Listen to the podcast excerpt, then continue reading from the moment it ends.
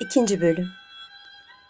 Memleketine döner dönmez Şehriyar'ın ilk işi karısıyla zenci kölesini astırmak oldu. Cariyelerle köleleri de zindana attırdı. O günden sonra hükümdar korkunç bir kadın düşmanı kesildi. Havva kızlarından öç almak için her akşam bir kızla evlenmeye ve ertesi gün onu öldürtmeye başladı. Bu yüzden birkaç sene içinde memlekette gelinli kız kalmamış gibiydi. Bir kısım halk da kızlarını kurtarmak için başka ülkelere göç etmek zorunda kalmışlardı. Hükümdar Şehriyar'a her akşam evlenmemiş bir kız bulmaya memur edilen veziri nihayet hiçbir yerde efendisine sunulacak bir kız bulamayınca fena halde üzülmeye ve kendi başından korkmaya başladı. Vezirin iki yetişmiş kızı vardı. Büyüğü Şehrazat, okumuş, zeki, hafızası kuvvetli ve çok güzel bir kızdı. Küçüğü Dinarzat da aşağı yukarı ablası gibi uyanık bir kızdı. O gün babasının eve neşesiz ve üzgün bir halde döndüğünü gören Şehrazat hemen boynuna sarılarak "Babacım" dedi. "Bu akşam seni keyifsiz, düşünceli görüyorum. Bir derdin mi var?" Vezir önce kızına bir şey açmak istemedi. Ama sonra onun zorlamasına dayanamayarak üzüntüsünün sebebini açıkça anlattı. Şehrazat, baba dedi.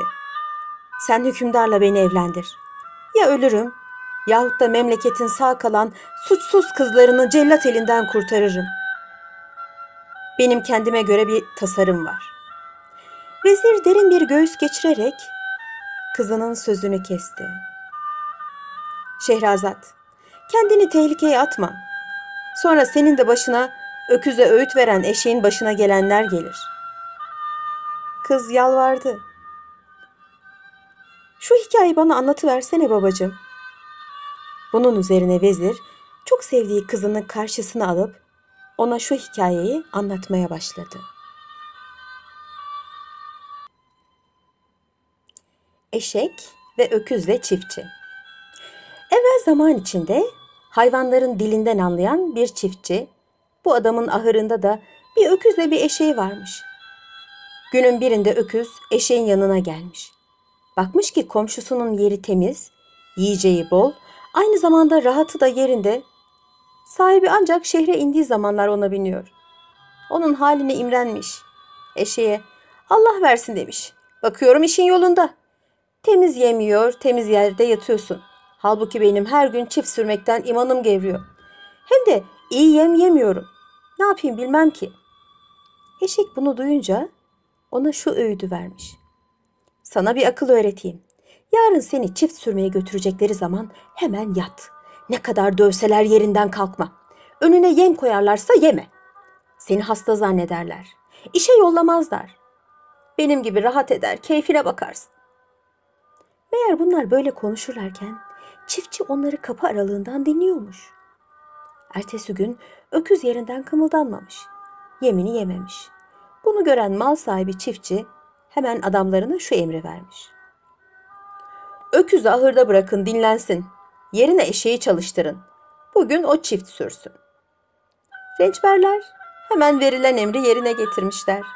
Akşamüstü çift sürmekten canı çıkan eşek yorgun argın ahıra dönünce öküz onun yanına sokulmuş. Değerli öğütlerinden ötürü sana ne kadar teşekkür etsem azdır demiş. Fakat kızgın ve bitkin bir halde olan eşek ona cevap verememiş. Ertesi gün çift sürmeye yine eşeği götürmüşler. Hayvancağız güneş batarken ahıra turşu gibi dönmüş. Bunu gören öküz yine ona teşekkür etmeye kalkışınca eşek kulaklarını oynatarak ''Arkadaş'' demiş. ''Benim bu çektiklerim hep çok bilmişliğimden oldu. Ama sana kötü bir haber. Bugün mal sahibinin rençberlere şayet yarına kadar öküz iyileşmezse kasaba verin kessin. Hiç olmazsa etinden derisinden istifade edelim dediğini işitti. Ben seni sevdiğim için haber veriyorum. Öküz bunu duyunca eşeğe tekrar teşekkür ederek iyi ki söyledin yarın iyileşir işe giderim demiş. Sonra önündeki yemi büyük bir iştahla yemeye başlamış. O sırada bunların konuşmalarını dinleyen çiftçi gülümseyerek başını sallayıp oradan ayrılmış. Ertesi gün çiftçi karısıyla ahıra gitmiş. Öküz onları görünce hemen canlanmış, kendisini sağlam ve canlı göstermek için ne lazımsa yapmış. Çiftçi onun bu haline dayanamamış, gülmüş. Gördüğüm ve işittiğim şeylere gülüyorum deyince karısına, karısı ne işittin bana da anlatsana diye tutturmuş.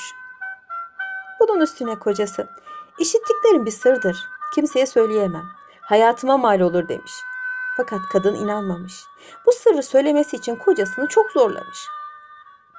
Çiftçi de, o halde gidip vasiyetnamemi hazırlayayım. Ondan sonra gelir sana bu sırrı söylerim demiş. Sokak kapısının önüne gelince Sadık köpeğiyle bir horozunun baş başa verip konuştuklarını görmüş. Bir yerde gizlenerek kulak kabartmış. Köpek horoza sormuş. Neye gülüyorsun? Çiftçi ölecek diye mi? Horoz da cevap vermiş. Çiftçinin aklına gülüyorum. Benim 50 tane tavuğum var.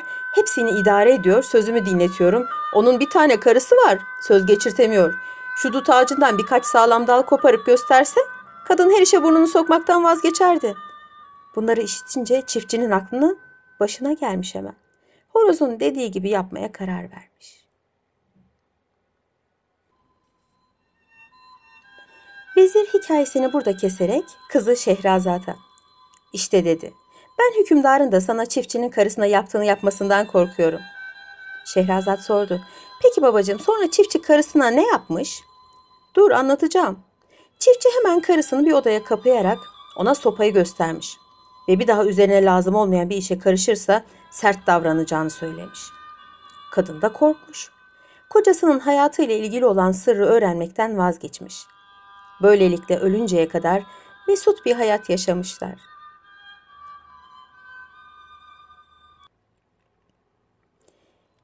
Şehrazat hikayenin sonunu dinledikten sonra eski fikrinden vazgeçmedi. Fedakarlık yapmak zorundayız dedi. Hükümdarı huyundan vazgeçireceğimi umuyorum. Beni mutlaka onunla evlendir babacığım.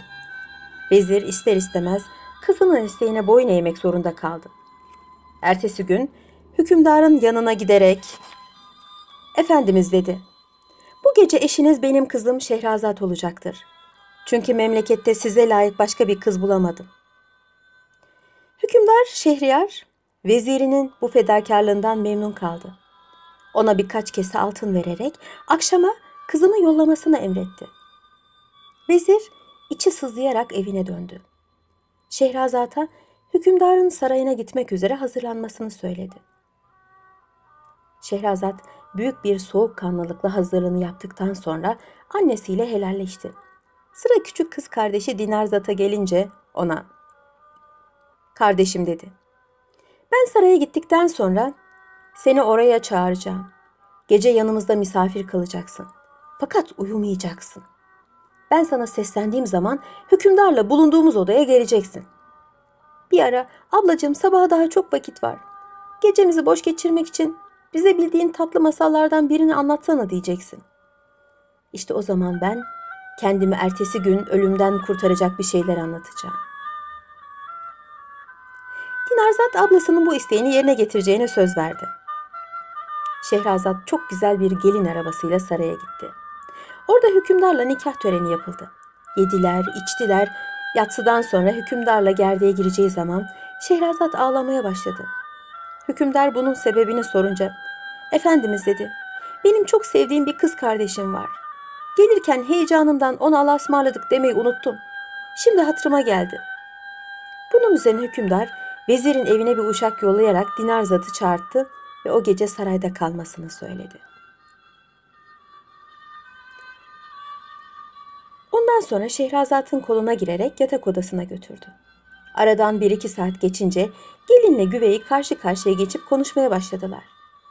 Şehrazat bu fırsattan istifade ederek bitişik odada bulunan kardeşine seslendi. Zaten içeride çağrılmasını bekleyen Dinarzat hemen koşup geldi. Oturdukları ipekli sedirin yanı başına diz çökerek gözlerinin içine bakan ablasına yalvardı. Ablacığım ne olur bize bildiğin güzel masallardan birisini anlat da gecemizi hoş geçirelim. Şehrazat baş üstüne kardeşim dedi. Sevgili hükümdarımız izin verirse anlatırım. Canı sıkkın olan hükümdar başını salladı. Müsaade ediyorum. Hadi anlat bakalım. Bunun üzerine Şehrazat anlatmaya başladı. Tüccarla dev